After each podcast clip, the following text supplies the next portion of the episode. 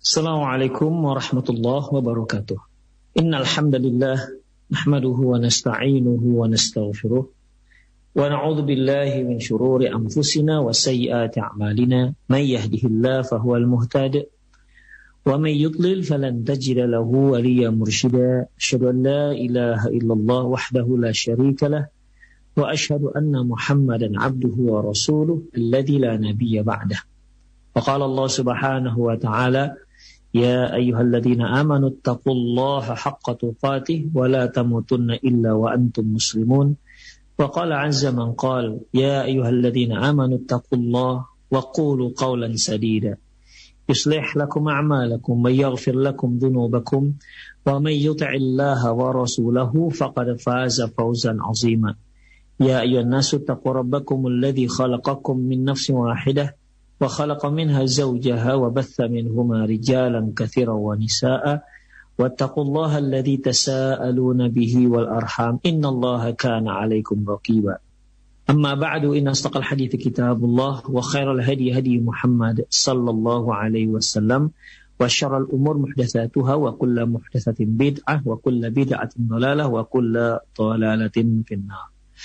Kaum muslimin, kaum muslimat, para pemerhati roja dimanapun anda berada, Alhamdulillah kembali di kesempatan kali ini kita bertemu masih dalam pembahasan uh, perjalanan setelah kematian yang kita ambil dari kitab Qiyamatus Sughra di mana di kajian lalu kita telah membahas terkait dengan penetapan adanya nikmat dan adab kubur bagi mayit di mana telah kita paparkan dalil-dalilnya yang jelas baik dari Quran maupun dari Sunnah Rasulullah Sallallahu Alaihi Wasallam, di mana tidak ada lagi alasan bagi mereka-mereka yang memiliki keyakinan, ya, tidak percaya dengan adanya azab kubur ataupun nikmat kubur.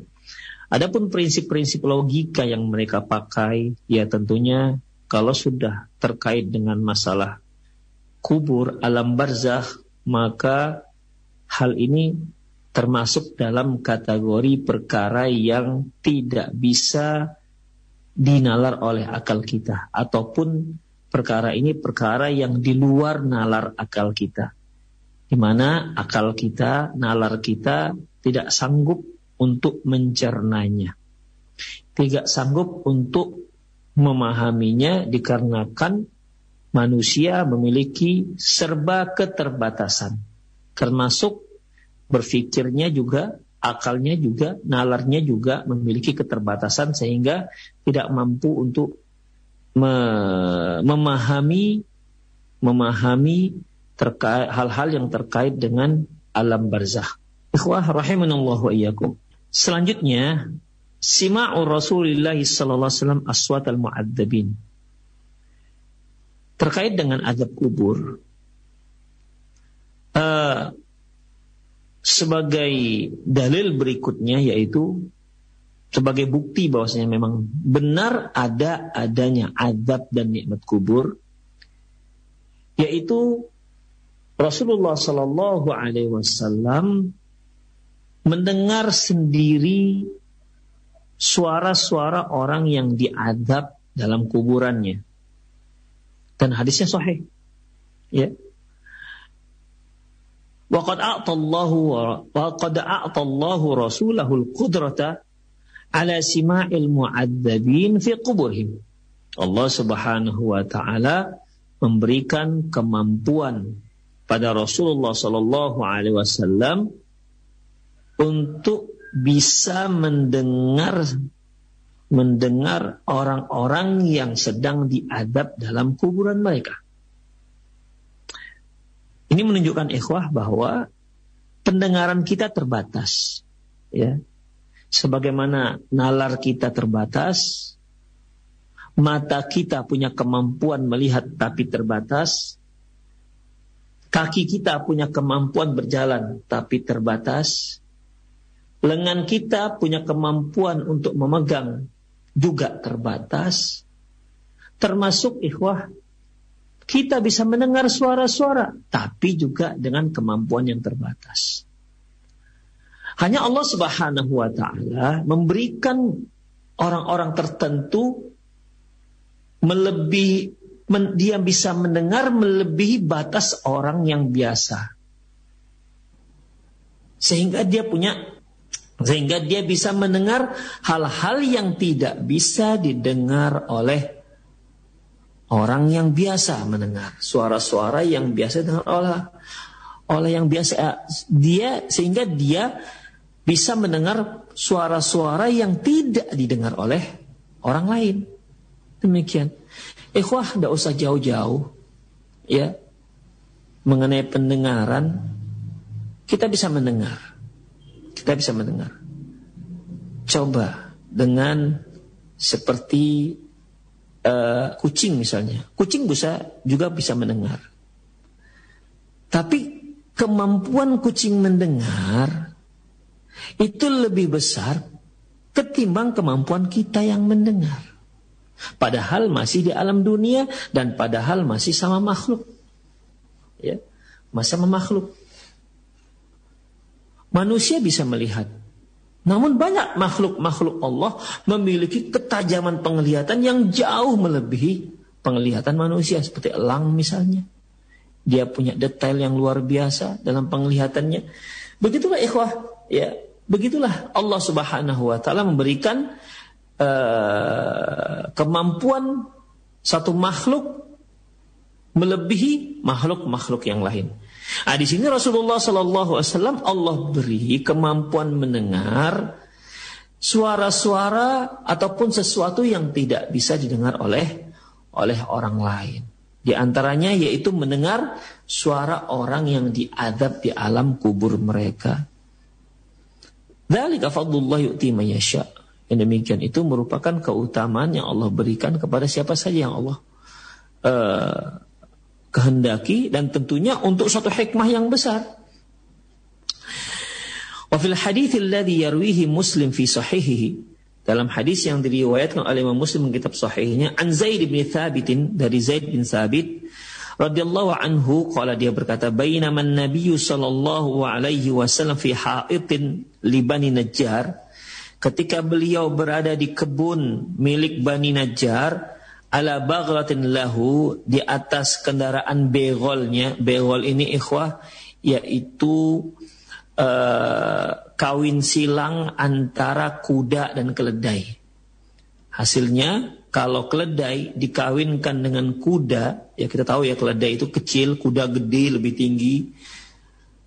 Kalau begol, uh, kalau keledai dikawinkan dengan kuda, maka nanti anaknya jadi pertengahan, ya pertengahan. Tidak sekecil keledai dan tidak sebesar tidak sebesar kuda. Itulah behol. Rasulullah Shallallahu Alaihi Wasallam pada saat itu sedang berkendara, mengendarahi behol. Ya kalau kita bilang sekarang mungkin kuda poni lah gitu kira-kira ya. Wa nahnu ma'ahu. Waktu itu kami bersama beliau, ya. Idhadat bihi wa kadat tulkih. Tiba-tiba begolnya miring, belok, tiba-tiba begolnya belok, kemudian hampir saja beliau terlempar dari punggung si begol. Demikian. Jadi berjalan, beliau dan para sahabat berjalan di dalam di uh, di kebun salah seorang milik salah seorang Bani Najjar tiba-tiba begolnya belok ya dan ini kan buat Rasulullah terkejut dan hampir saja beliau terpental dari begol tersebut Faida akbara sittata atau khamsata Faida akbar sittah atau khamsah atau arba.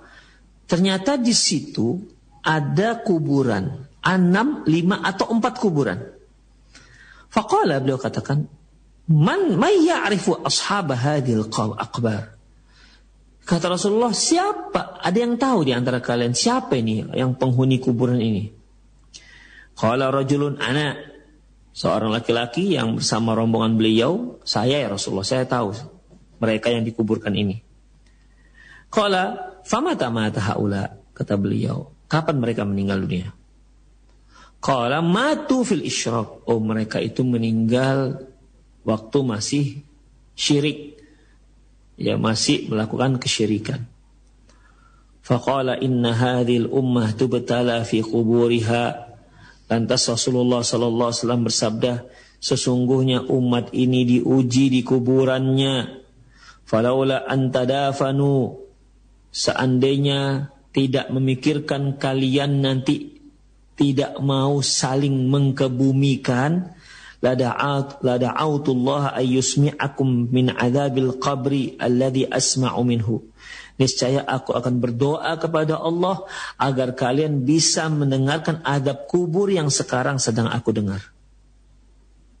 Jadi di sini ikhwah rahimallahu wa iyyakum ya Rasulullah katakan seandainya lah tidak memikirkan nanti kalian tidak mau saling menguburkan. Artinya kalau ada mayit nanti nggak ada seorang pun yang mau menguburkan. Kalau seandainya, ya, kalau seandainya aku berdoa kepada Allah agar kalian bisa mendengar adab kubur, niscaya kalian tidak ada seorang pun yang mau menguburkan jenazah temannya. Itu maksudnya. Ya. Karena mikirkan itulah, maka nggak jadi aku doa. Demikian. Artinya di sini ikhwah rahimanallahu ikum laula antadafanu ya. Ini Seandainya lah manusia itu mendengar adab kubur, nggak ada yang mau mengubumikan temannya kalau sudah meninggal. Akhirnya ter, ter, uh, ter, terlantar begitu saja. Kenapa? Karena saking mengerikannya suara adab kubur tersebut. Itulah hikmah mengapa manusia tidak mendengar adab kubur. Ya, kalau nggak nggak akan ada seorang pun yang berani ke kuburan. Ya kita tahulah bagaimana di dunia apabila ada orang yang sedang sakit, apalagi sedang disiksa, bagaimana jeritan-jeritannya, jeri, rintihan sakitnya. Itu satu orang. Bagaimana kalau seandainya di satu lokasi pekuburan, mungkin ada lima atau enam saja menjerit-jerit di situ dan itu di, kita dengar suara siksaannya, naudzubillah min dzalik. Gak akan ada seorang pun yang berani ke sana. Jangankan mengebumikan jenazah yang akan dia antar ke sana, Mau datang saja ke sana mereka tidak akan mau. Kenapa? Karena suara-suara yang mengerikan. Inilah makanya Rasulullah katakan seandainya laula antadafanu seandainya nggak memikirkan hal itu ya seandainya aku tidak memikirkan hal itu niscaya aku akan doa kepada Allah agar kalian bisa mendengar adab kubur yang sedang ku dengar sekarang demikian ikhwah ini menunjukkan bahwasanya Rasulullah Shallallahu Alaihi Wasallam mendengar adab kubur, suara orang yang sedang diadab di kuburannya. Wafi Sahih al Bukhari wal Muslim, wafi wafi Sahihai al Bukhari wal mus, wa Muslimin dan dalam dan di dalam, dalam dan di dalam dua kitab Sahih Bukhari dan Muslim wa sunani al An-Nasa'i wa an Abi Ayyub al Ansari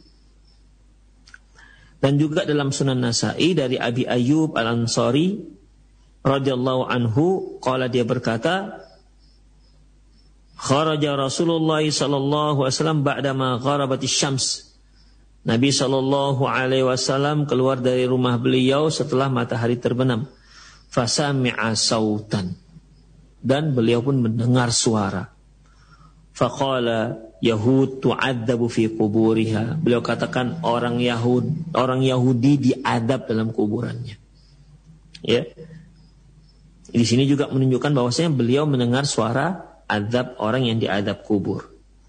Wa yadullu ala sima'i Rasulillah lil mu'adzabin fi kuburihim al hadithul ladhi yarwihi al-Bukhari wa Muslim fi sahihihima an Ibnu Abbas dan juga membuktikan bahwasanya Rasulullah juga mendengar. Rasulullah mendengar orang-orang yang diadab dalam kuburannya yaitu hadis yang diriwayatkan oleh Imam Bukhari dan Muslim dalam kitab sahih mereka berdua dari Abdullah bin Abbas dan Huma wa fihi. Dalam hadis tersebut anna Rasulullah SAW marra bi ini bahwasanya dalam hadis tersebut Rasulullah SAW melintas di sebuah kubur di dua kuburan.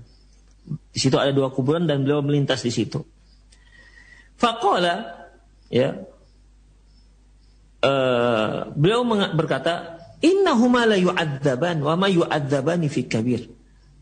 Ini dua penghuni dua kuburan ini. Penghuni ini sedang diadab. Wa ma yu'adzabani fil kabir. Mereka itu tidak diadab dengan dosa yang menurut kalian bukan dosa besar. Demikian ikhwah. Dalam riwayat yang lain, marra Nabi sallallahu alaihi wasallam bihaitin min haitanil Madinah awil Makkah.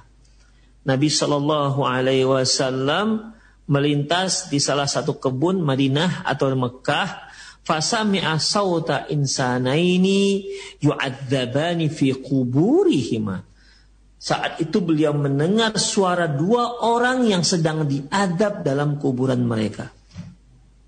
Kemudian Rasulullah mengatakan, Innahuma la yu'adzaban. Karena setelah beliau mendengar ini dua orang sedang diadab ini. Beliau memberitahukan hal itu kepada sahabat. ya Sahabat yang sedang jalan bersama beliau.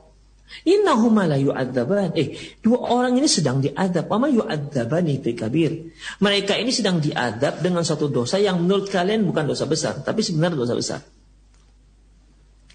Kemudian uh, summa qal lantas beliau mengatakan Amma ahaduhuma fakana yamshi yas'a bin namimah. Adapun salah seorang dari mereka yaitu mereka suka mengadu domba. Dengar sana sampaikan sini, dengar sini sampaikan sana. Akhirnya terjadilah pertengkaran gara-gara dia membawa-bawa berita tersebut. Wal akhara kana yastanzihu min bauli min bauli dan yang satu lagi ya yang satu lagi dia tidak berhati-hati, dia tidak berhati-hati dengan munceratan uh, air kencingnya, air seninya. Dan riwayat lain dia nggak peduli apakah air kencingnya itu akan mengenai bajunya atau tubuhnya dia nggak peduli. Demikian ikhwah. Itulah penyebabnya maka dua orang ini diadab. Summa akhadha udan fakassarahu bisnaini. Summa gharaza humma gharaza kulla minhuma ala qabri.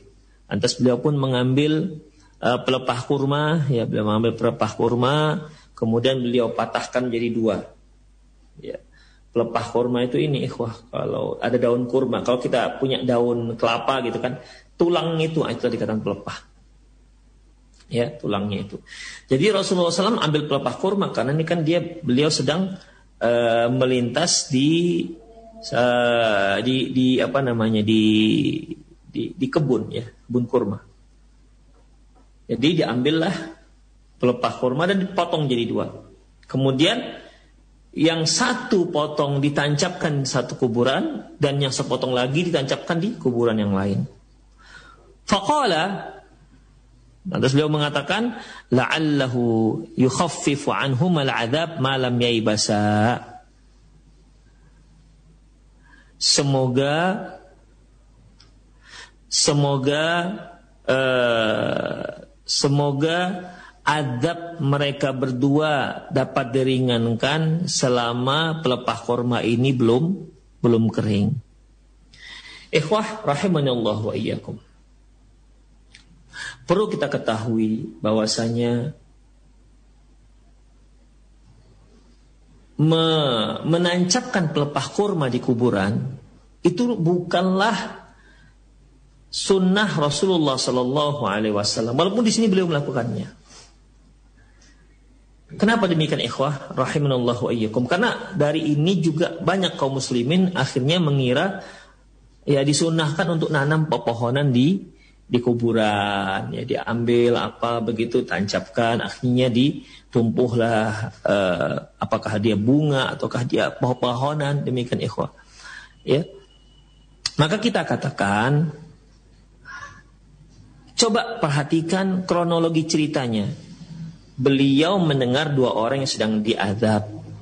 Lantas beliau me me mengambil dua pelepah korma, pelepah korma diparuh menjadi dua, ditancapkan di masing-masing kuburan tersebut. Lantas beliau mengatakan selama ini, selama uh, semoga adab mereka berdua diringankan oleh Allah selama dua pelepah ini belum kering. Nah, berarti kan ikhwah rahimanallahu wa iyyakum di sini bukan disunahkan menancapkan pelepah korma di kuburan. Karena intinya sebenarnya itu adalah doa Rasulullah Shallallahu Alaihi Wasallam. Beliau berdoa kepada Allah ya dengan uh, semoga Allah Subhanahu Wa Taala meringankan doa azab mereka, tapi memiliki batas waktu. Beliau memberikan batas waktunya dengan ditancapkannya dua pelepah korma ini. Karena mereka itu meninggal dalam keadaan syirik, musyrik. Ya, gak akan terlepas dari adab kubur. Tapi semoga dengan ditancapkannya itu bisa meringankan, tuh, bukan menghindarkan, meringankan mereka dari adab kubur. Demikian ikhwah. Ya, berarti berarti seandainya Rasulullah Shallallahu Alaihi Wasallam tak mendengar adab kubur tersebut, maka tidak akan ada penancapan pelepah kurma. Jadi kalau kita bagaimana? Ya, apakah kita ketika mau melaksanakan perbuatan Rasulullah ini kita mendengar adab kubur? Terus motivasi kita untuk menancapkannya itu apa? Apakah dengan kita tancapkan atau kita ambil pepohonan atau bunga-bungaan kita tancapkan di kuburan terus kemudian semoga orang ini mendapat keringanan adab kubur selama pohon ini masih hidup. Kemudian dari mana kita tahu dia sedang diazab? Jangan-jangan dia nggak diazab. Demikian. Oleh karena itu ikhwah rahimallahu wa iyyakum, tidak benar kalau kita katakan bahwasanya menancapkan pohon pohon di, di kuburan itu merupakan satu sunnah Rasulullah sallallahu alaihi wasallam. Ini tidak benar pendalan seperti ini. Karena beliau menancapkan itu terkait dengan beliau mendengar adab kubur dan semoga bisa diringankan adab kubur dengan ditancapkannya pelepah korma tersebut selama belum kering. Demikian. Oleh karena itu masalah ini adalah masalah kekhususan untuk Rasulullah Sallallahu Alaihi Wasallam. Kalau kita mau nancapkan juga pepohonan ya berarti kita harus dengar dulu apakah orang ini apakah orang ini diadab apa tidak. Demikian. Ya, kalau nggak diadab pun tidak ada Rasulullah SAW menancapkan pohonan atau pelepah kurma di kuburan kaum muslimin yang sedang mendapat nikmat kubur. Nggak ada fungsinya sama sekali. Demikian ikhwah, azallahu iyyakum. Jadi intinya bahwasanya ya menancapkan pelepah korma ataupun pepohonan di kuburan itu itu bukan termasuk sunnah untuk semua orang. Ini adalah khusus untuk Rasulullah Shallallahu Alaihi Wasallam karena beliau karena beliau mendengar adab kubur. Beliau diberikan kekhususan, keistimewaan oleh Allah ya di mana beliau bisa mendengar orang suara-suara orang-orang yang sedang diadab dalam kuburannya. Lantas bagaimana kalau seandainya kita mimpi, kita mimpi bahwasanya si fulan sedang diadab di kuburannya. Ikhwah, mimpi itu nggak bisa kita pastikan. Walaupun mungkin ada benarnya, tapi nggak bisa kita pastikan. Demikian ikhwah. Makanya mimpi itu tidak bisa jadi dalil. Kecuali mimpinya para sahabat dan direkomendasi diokekan oleh Rasulullah Sallallahu Alaihi Wasallam. Seperti adzan ya. Itu kan asal dari mimpi seorang sahabat. Kemudian di diiyakan oleh Rasulullah Sallam. Jadi sebenarnya sunnah Rasulullah itu dia bukan mimpi sahabat tersebut. Demikian. Jadi ikhwah mimpi tersebut tidak bisa jadikan sebagai landasan hukum ya tidak bisa juga menilai seseorang apakah dia adab apakah tidak. Demikian ikhwah rahimani Allah wa. Ya, jadi demikian. Ya kalau kalau kemungkinan bisa saja, namanya juga kemungkinan, tapi memastikan tidak bisa. Sehingga karena melihat dia melihat Misal seseorang tersebut diadab di kuburan maka dia pun e, bergegas pergi ke, ke, ke kebun kurma untuk mengambil pelepah kurma kemudian dia tancapkan di situ. Ikhwah ini tidak dibenarkan, tidak disunahkan seperti ini. Atau karena dia di Indonesia tidak ada kurma maka dicari batang sawit misalnya. Ah demikian ikhwah. Atau batang kelapa kan mirip-mirip daunnya. Apakah demikian disunahkan? Tidak. Demikian ikhwah, azallahu tapi yang jadi tema dalam yang dari objek ataupun yang dijadikan sebagai inti daripada penyebutan dalil ini yaitu bahwasanya adanya adab kubur. Rasulullah sendiri langsung mendengarkannya. Itu ikhwah. Kemudian sima ghairi Rasulullah sallam aswat al-mu'adzabin. Ada juga selain Rasulullah itu yang mendengar yang bisa mendengar adab kubur ya tetapi tidak mendengar langsung. Di sini eh, ikhwah beliau menyebutkan tentang Syekh Islam Ibnu Taimiyah yang yang menganalisa adanya adab kubur dengan mendengar mendengar eh, apa namanya uh, terdengarnya suara ada orang yang diadab dan seterusnya. Kita perhatikan dulu ya. lam yazal ba'dun nas yatahaddatsuna an sima'ihim aw ru'yatihim lil mu'adzabina fi kuburihim bahwasanya sampai sekarang masih masih ada orang-orang yang berbicara di mana di, mereka mendengar dan melihat dalam mimpinya orang-orang yang diadab di kuburannya. Wa min haula'i thiqatul a'lami la mata'ana la mata'ana fi dinihim wa amanatihim. Di antara yang menceritakan itu adalah orang-orang ulama yang memang dipercaya tidak tidak disangsikan ke, tidak disangsikan lagi agama dan amanahnya. Wa yaqulu Ibnu Taimiyah berkata Ibnu Taimiyah fi dzalik tentang masalah ini qad yakshifu li katsirin minal abna'i zamanina yaqadata wa manaman. Terkadang qad yukshafu, terkadang disingkap disingkapkan hal ini di hadapan banyak anak-anak zaman kita sekarang baik ketika dia sedang terjaga maupun sedang tidur. Wa ya'lamuna dzalika wa yatahaqqaq wa yatahaqqaqunahu dan beliau mereka mengetahuinya dan beliau mereka bisa memastikannya.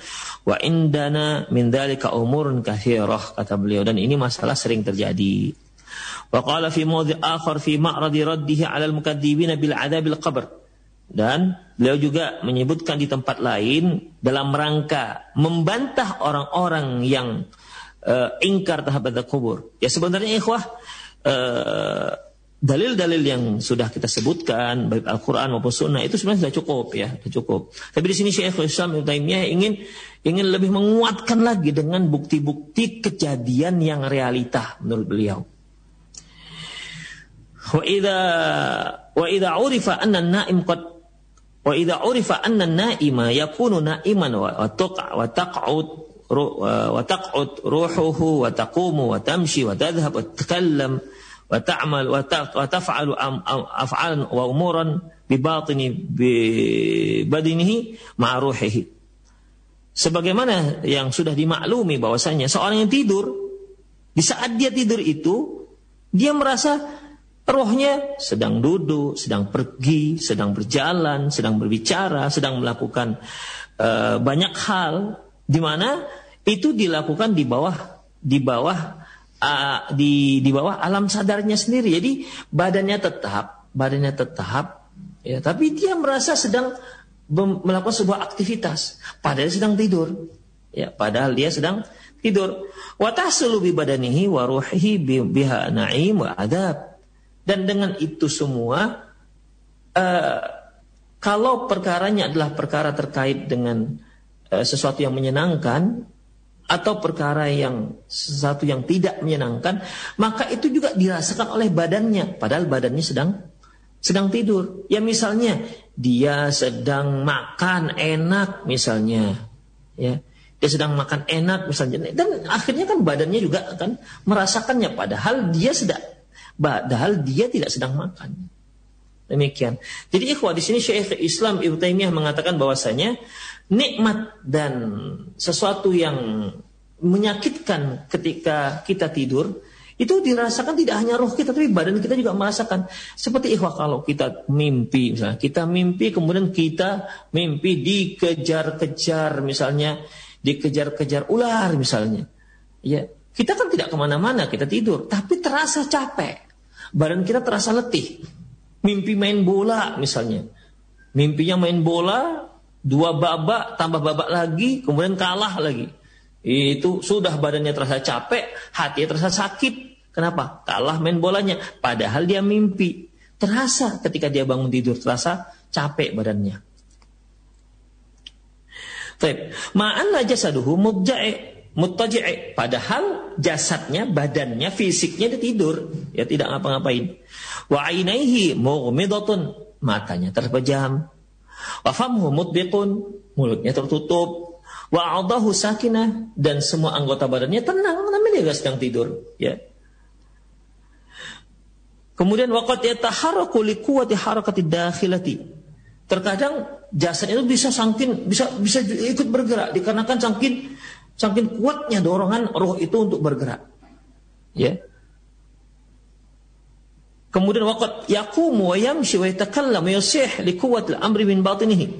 Terkadang saking kuatnya dorongan roh itu, ikhwah, ya, sehingga jasad pun ikut ikut berdiri, ikut berjalan, ikut ikut berbicara, ikut berteriak dikarenakan kuatnya pengaruh apa yang dia rasakan dalam birohnya. Ya kan ada orang ikhwah mimpi sambil jalan. Demikian, mimpi, dia mimpi tapi dia sambil jalan. Mimpi tapi dia bisa makan. Ada demikian ikhwah. Minum, dia minum, makan, tapi sebenarnya dia mimpi. Itu sangat kuatnya dorongan dari dari batinnya. Dan itu memang terjadi, ikhwah. Ya, ada orang-orang di mana dia mimpi itu bisa jalan. Ya, dia bisa jalan, dia bisa duduk, dia bisa makan, tapi sebenarnya dia mimpi. Demikian. Bahkan dia bisa membunuh. Baik.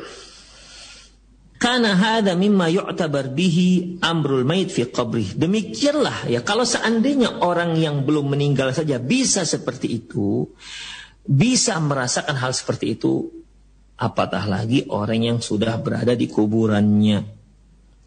Fa inna ruhuhu taq'ud wa tajlis wa tus'al. Fa inna ruhuhu tuq'ad wa tajlis wa tus'al wa tun'am wa tu'adzab wa tasih wa dzalika muttasil bi badanihi.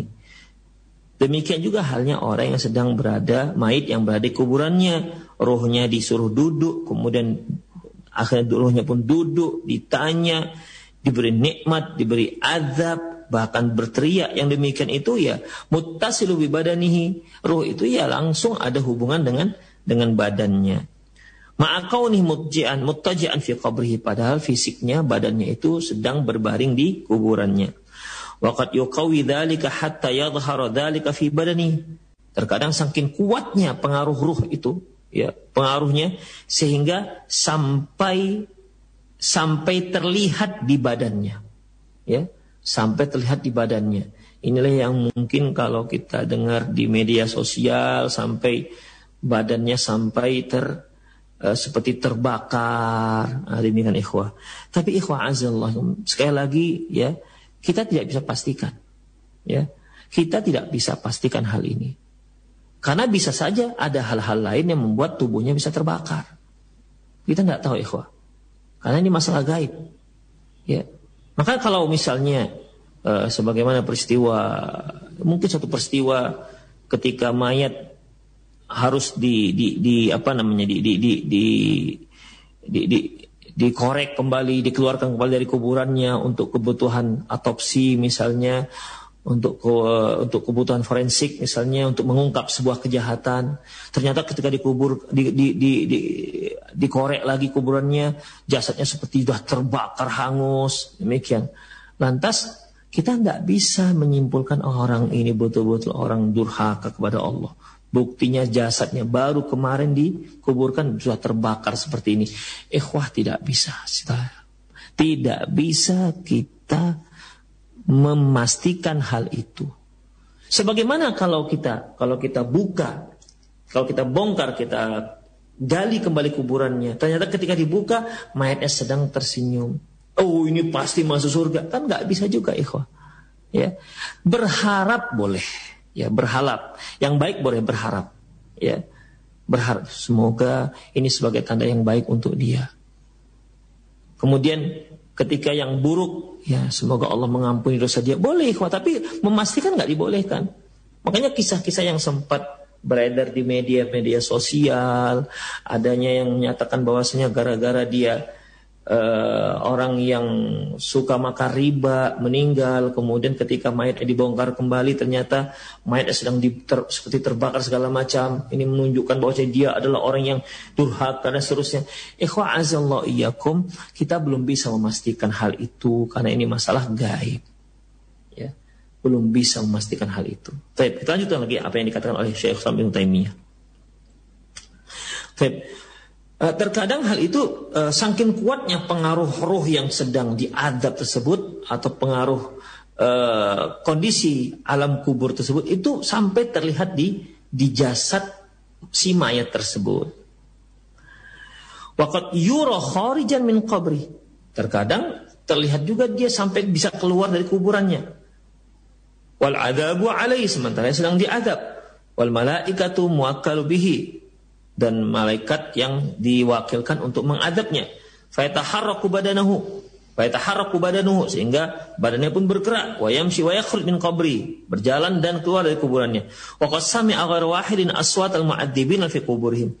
Dan uh, sampai-sampai uh, banyak ada orang-orang yang mendengar suara-suara orang yang diadab di dalam kuburannya. Waqad syuhida may yakhruj min qabri wa huwa mu'adzab. Dan juga ada yang menyaksikan di mana seorang itu keluar dari kuburan sementara dia sedang diadab. Wa may wa may yaqud badanuhu aidan idza qawal amr. Dan uh, wa yaqud badanuhu dan badannya juga sampai duduk ya ketika urusan kuburannya itu sangat sangat kuat. Lakin laisa hada laziman fi haqqi kulli mayit. Hanya saja ini enggak enggak semua terjadi. Ya, enggak terjadi pada semua mayit kama anna qu'uda badanahu naim lam yura lam la, lima yura sebagaimana badan seorang tidur tidak tidak juga dia bisa langsung duduk dikarenakan apa yang dia lihat dalam mimpinya. Maksudnya begini ikhwan. Ada orang yang tidur, dia melihat dalam mimpinya sampai karena pengaruh tidur mimpi itu sangat kuat sehingga dia pun sampai duduk. Jasadnya itu sampai duduk. Sampai bisa berjalan dan sampai bisa berdiri dan sampai bisa berjalan. Demikian ikhwah. Ya, walaupun kan nggak semua orang yang ketika dia melihat dia sedang duduk, dia nggak duduk. Ketika dia bermimpi sedang berjalan, dia tidak berjalan. Demikian. Tapi ada orang-orang saking kuatnya pengaruh mimpinya itu dia sampai duduk, badannya duduk, dia berdiri dan dia berjalan. Demikian. Padahal dia sedang sedang mimpi. Nah, tapi kan ini nggak semua orang seperti itu.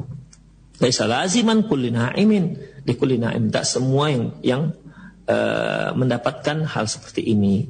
Bal huwa bihasbi kuatil amr itu terkait dengan sejauh mana kekuatan apa yang sedang dia dia lihat.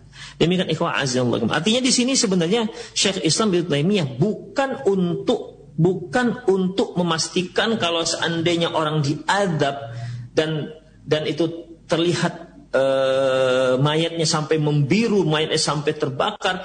Kemudian beliau memastikan bahwa ini pasti kena adab nggak seperti itu, ikhwah. Beliau hanya ingin menetapkan bahwasanya adab kubur itu ada. Ini hanya sebagai penguat. Karena sudah ada Quran dan sunnahnya dari Rasulullah SAW tentang masalah adab tersebut. Demikian. Ya.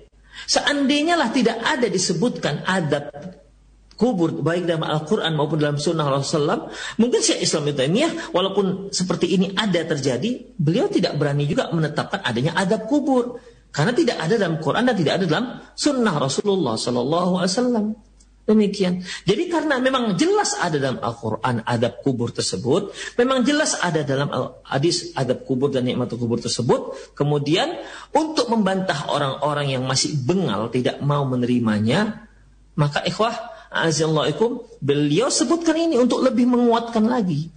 Nah, demikian ya. Para ikhwah azallahu wa iyyakum. Jadi intinya ya terlalu banyak hal ya yang menetapkan adanya adab kubur terlalu banyak sehingga sekali lagi ya kita nyatakan bahwasanya sehingga tidak layak ada orang usmis, ada orang Islam yang mengingkari adanya nikmat dan adab kubur. Baik, matlabus sani. Uh, yang kedua yaitu sifatun na'imil qabri wa adabihi. Yaitu bentuk nikmat dan adab kubur. Bagaimana sih bentuk dan nikmat adab kubur? Lagi-lagi ini tentunya ya menunjukkan adanya nikmat dan adab kubur. Dzakara Rasulullah sallallahu alaihi wasallam fi hadis al-Bara bin Azib bahwasanya Rasulullah sallallahu alaihi wasallam menyebutkan dalam hadis Bara bin Azib annal malaikata tas'alul 'abda al-mu'mina fi qabrihi wa yuhsinul ijabah uh, fi qabrihi bahwasanya malaikat bertanya kepada seorang hamba muslim dalam kuburannya fayuhsinul ijabata 'inda dzalik inda uh, fayuhsinul ijabah. Lantas orang mukmin ini kan akan akan memberikan jawaban yang benar. Wa inda dalik pada saat itu yunadi munadi minas sama. Maka muncullah suara dari langit dan mengatakan an abdi benar hambaku. Fa afrishuhu minal jannah. Bentangkan untuk dia uh, bentangan dari surga. Apakah itu berbentuk karpet, apalah Allahu alam. Intinya bentangkan untuk dia bentangan dari surga. Wa albisuhu minal jannah dan pakaikan dia pakaian dari surga. Waftahu lahu baban ilal jannah. Bukakan pintu yang ke surga. Bukakan untuknya pintu yang menuju surga.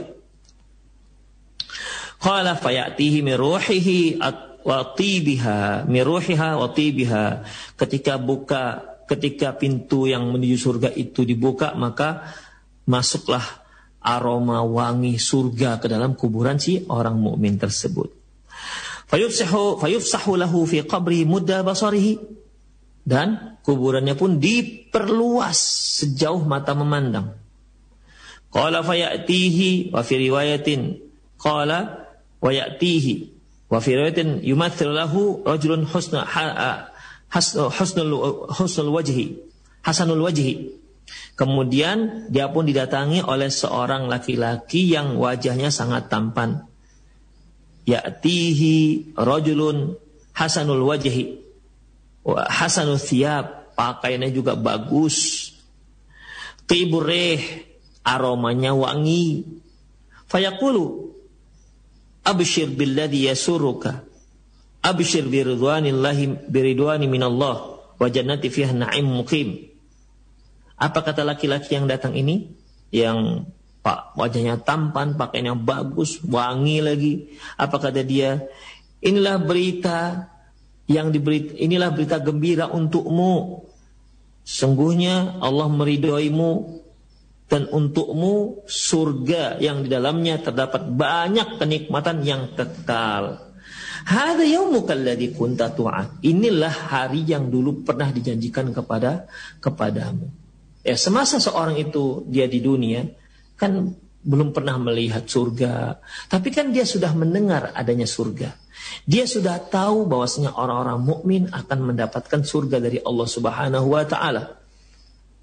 Nanti di hari akhirat dia akan mendapatkannya, dia akan dia akan menikmati nikmat surga tersebut. Nah, seperti kita sekarang, kita kan masih hanya masih mendengar baik berita dari Quran maupun dari sunnah Rasulullah SAW tentang surga tersebut.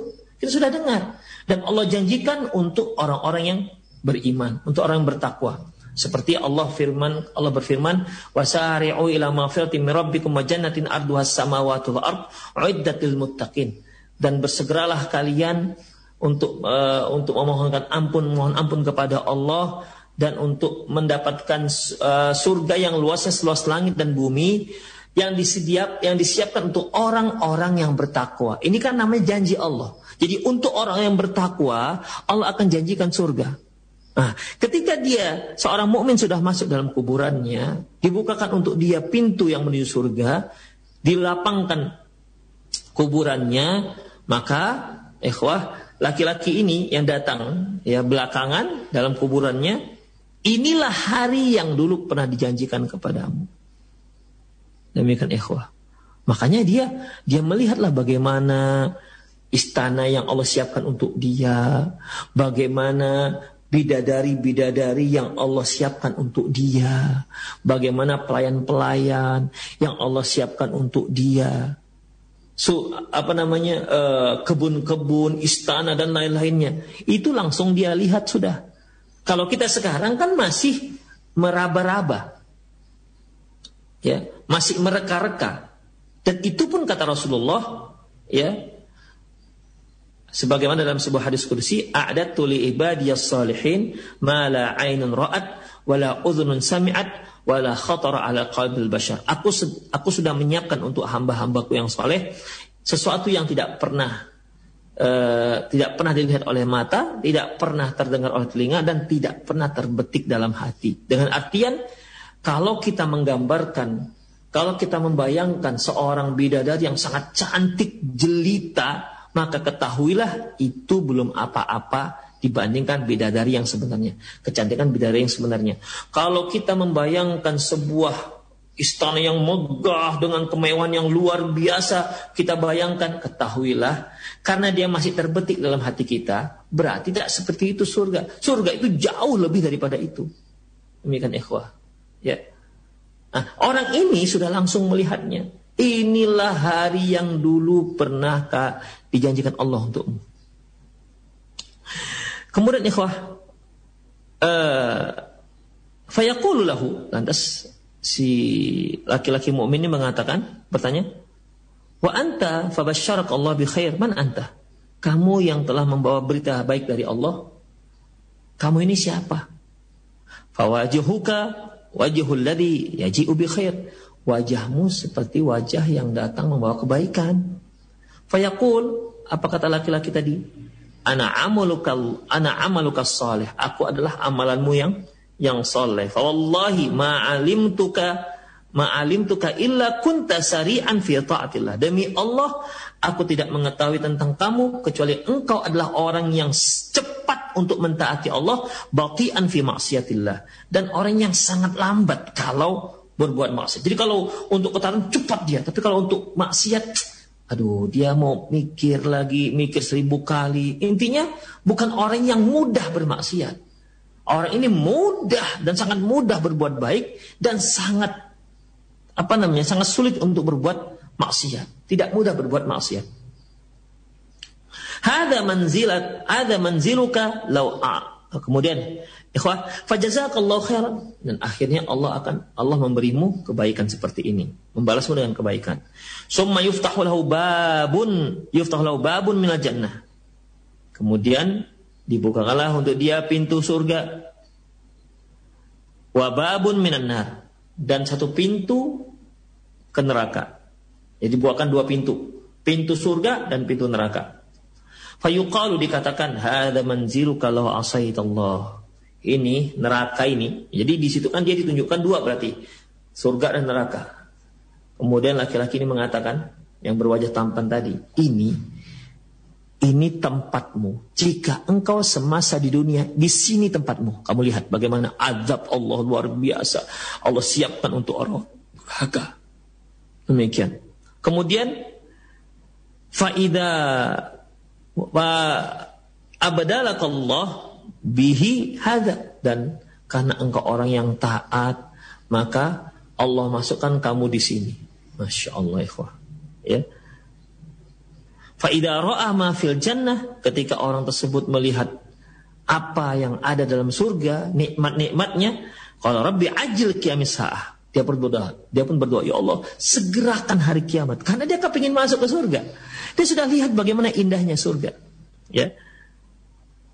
Kemudian kaima arju ila ahli wa mali fayuqalahu uskun agar aku bisa kembali ke ke keluargaku dan ke hartaku.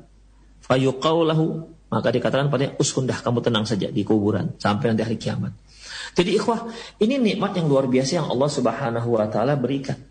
Ya, terlebih lagi setelah Allah tunjukkan ini kalau kamu maksiat nih tempatmu di sini nih, kamu disiksa. Ya.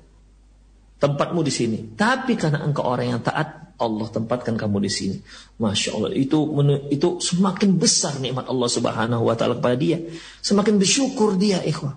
Karena dia melihat betapa sangat dahsyatnya adab yang Allah siapkan untuk dia.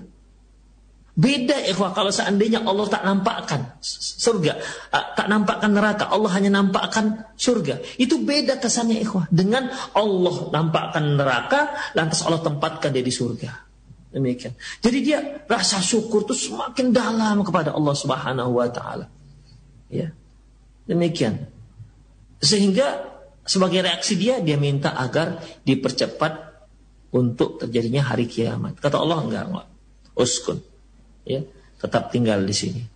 Demikian ikhwah. Jadi nggak ada istilahnya roh itu orang mati itu balik ke balik ke keluarganya. Dia sudah lihat surga, ya. Dia sudah lihat surga. Dia sudah lihat istana-istananya. Maka dia tidak tidak terfikir lagi oleh dia untuk kembali. Ya, untuk kembali. Walaupun dalam hadis yang lain ada disebutkan, ya Allah, Berilah kesempatan untuk balik ke keluargaku. Untuk beritahu kepada mereka bahwasanya aku itu masuk surga. Aku itu mendapatkan mendapatkan nikmat kubur. Kata Allah enggak, enggak, enggak. Uskun, uskun. Artinya tetap kamu di situ. Enggak usah. Enggak usah ngasih-ngasih tahu mereka. Itulah lebih kurang ikhwah.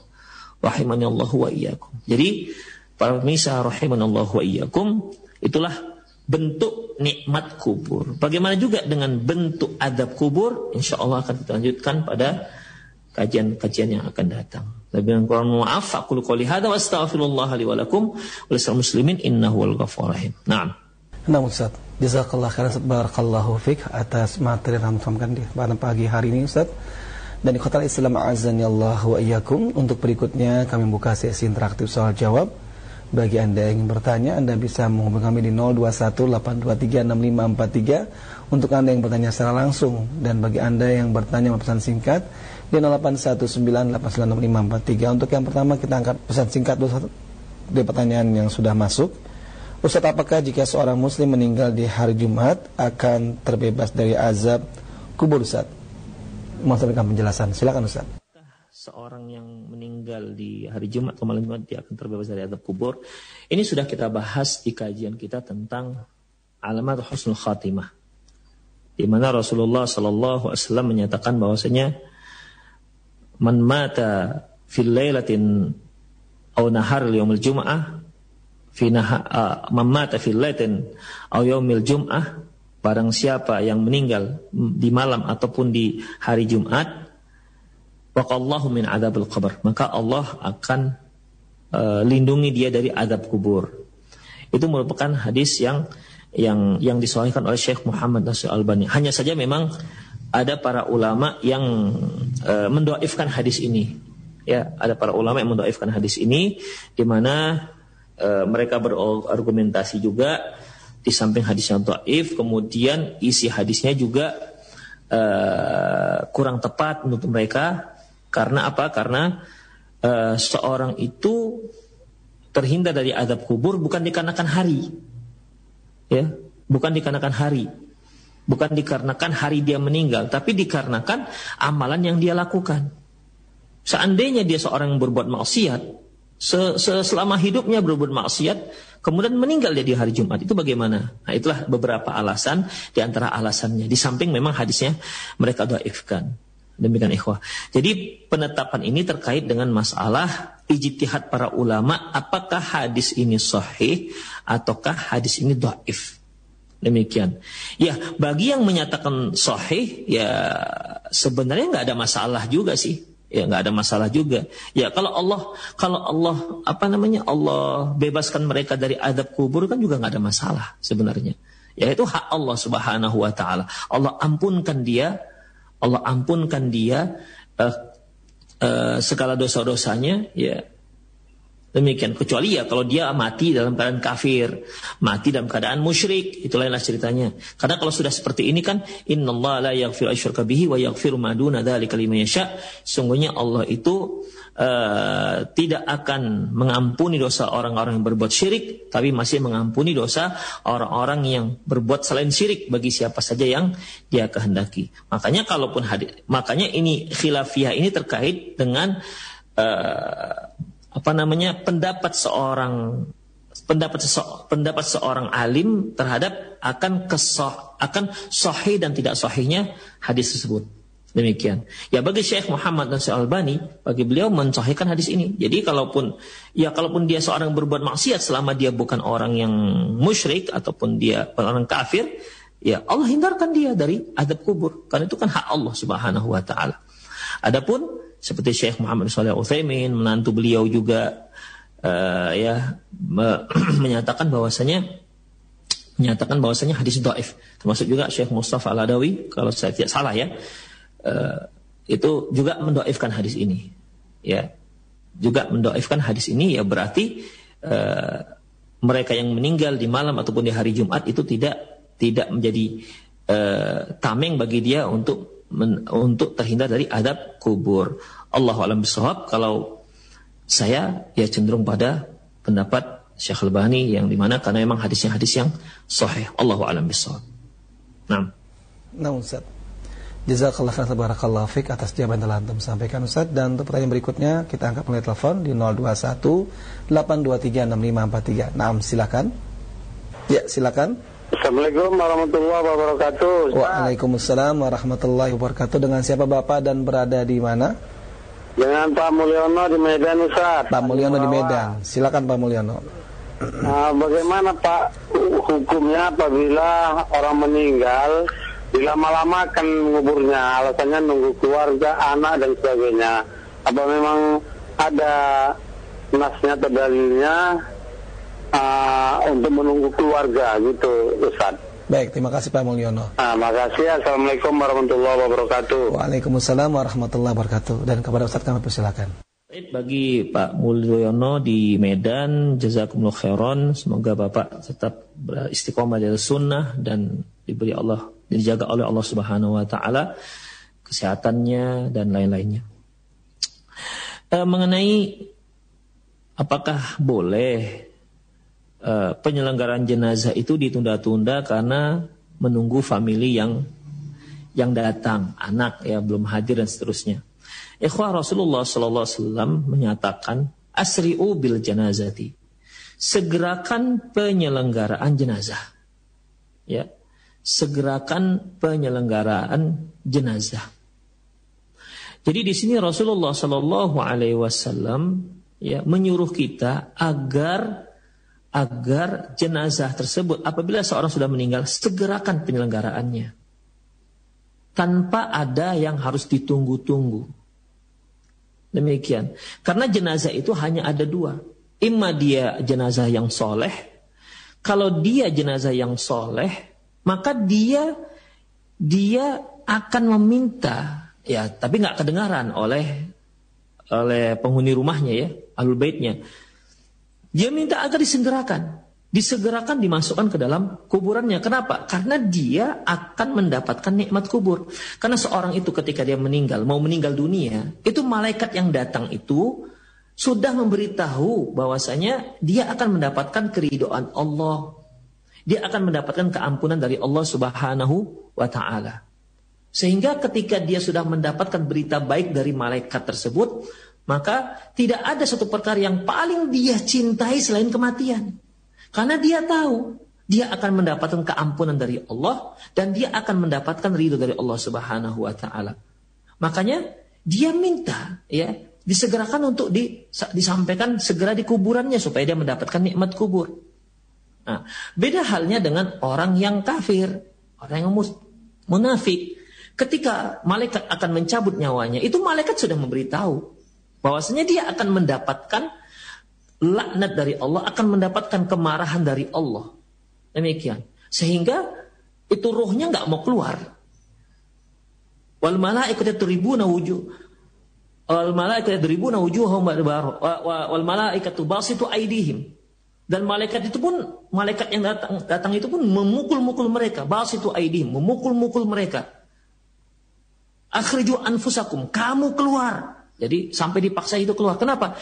Karena dia tahu bahwasanya malaikat sudah memberitahu dia, dia akan mendapatkan siksa dari Allah Subhanahu wa taala. Demikian ikhwah rahimanallahu iyyakum. Sehingga bagaimana? Dia nggak mau, dia nggak mau keluar, akhirnya kan dicabut dengan paksa oleh malaikat. Apa kata Rasulullah SAW? Kalau dia seorang yang soleh, berarti kalian akan menyegerakan dia mendapatkan mendapatkan nikmat uh, surga, nikmat kuburnya. Tapi kalau dia seorang yang soleh, seorang yang durhaka, maka untuk apa kalian memperlama-lama dia di, di rumahnya dan di pundak kalian? Segera kalian kalian kuburkan juga. Jadi baik jenazah itu jenazah soleh maupun jenazahnya yang tidak soleh, ini kedua-duanya harus disegerakan.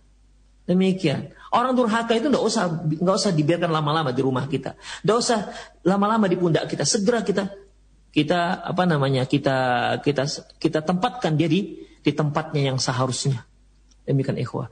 Jadi sebenarnya ya dilarang dalam syariat untuk untuk menunda-nunda penyelenggaraan jenazah dengan alasan menunggu famili menunggu anak. Baik, sekarang masalah yang kedua. Sekarang apa faedahnya? Apa faedahnya anak ditunggu? Misalnya nih si ayah meninggal di malam malam hari misalnya. Telepon si anak. Anaknya mungkin ada di Papua. Kata anaknya jangan dikebumikan ya. Ayah jangan dikebumikan. Nanti saja. Sampai saya sampai. Sampainya mungkin sorenya baru sampai. Ayahnya meninggal misalnya malam Kamis dia sampai Kamis sore. Atau mungkin Jumat pagi misalnya. Nah, sekarang faedahnya untuk si mayit apa? Jadi kita tidak boleh egois. Terkadang orang tua kita meninggal, kita ingin kita ingin agar kita melihat orang tua kita untuk yang terakhir kalinya. Terus fungsinya apa? Sedikit pun tidak ada manfaatnya untuk si mayit. Itu kan semuanya kepentingan kita karena keegoan kita. Kita ingin melihat orang tua yang terakhir, tapi gara-gara kita penyelenggaraan jenazahnya jadi tertunda. Kalau memang kita mau berbakti kepada orang tua kita, tuh yang sekarang tuh masih hidup. Mumpung mereka belum meninggal, sekarang berbakti kepada kedua orang tua. Sekarang kirim mereka uang banyak-banyak. Demikian di antaranya cara berbakti. Kirim mereka berita baik, doakan mereka. Demikian. Bukan ketika sudah meninggal kemudian kita minta ditunda penyelenggaraannya. Itu semua kan karena keegoan kita. Ikhwah, penyelenggaraan ditunda gara-gara untuk menunggu ini dan itu. Itu semua bukan untuk maslahat si mayit, tapi untuk maslahat orang hidup. Ikhwah, kalau dia adalah orang tua kita, sudahlah kita tak sempat berbakti kepada dia. Kenapa mereka sudah meninggal? Masih kita tunda-tunda juga penyelenggaraan dia. Bagaimana kalau seandainya orang tua kita itu memang orang-orang yang soleh. Ingin agar segera mendapatkan nikmat kubur. Makanya ikhwah, rahimahullah wa iyyakum, jangan. Ya kalau memang anda seorang anak, kemudian orang tua anda meninggal, anda berada di tempat yang jauh, doakan dia. Itu baru bermanfaat untuk orang tua. Doakan, bukan dengan menunda penyelenggaraan jenazahnya gara-gara kita belum sampai. Makanya ikhwah, Ya, sekali lagi di sini saya himbau pada kawan-kawan para ikhwan yang jauh dari orang tua, seandainya orang tua meninggal, relakanlah mereka segera diselenggarakan. Doakan dia dari kejauhan. Ya, doakan. Itu yang lebih bermanfaat untuk dia. Jangan susahkan mereka dengan menunda penyelenggaraan jenazahnya karena kita belum sampai ke tempat ayah bunda kita. Demikian ikhwah rahimunallah Saya kira itu sajalah ah, kajian kita ya. Semoga apa yang kita bahas tadi bermanfaat. Semoga jawaban-jawaban yang diberikan tadi bermanfaat untuk para penanya, menambah wawasan dan semoga juga bisa menjadi jawaban bagi keluarga yang mungkin masih menunda-nunda penyelenggaraan jenazah karena alasan-alasan seperti ini. Demikian lebih dan kurang mohon maaf aku lu qouli hadza wa astaghfirullah li wa lakum wa muslimin innahu wal ghafur rahim. Assalamualaikum warahmatullahi wabarakatuh.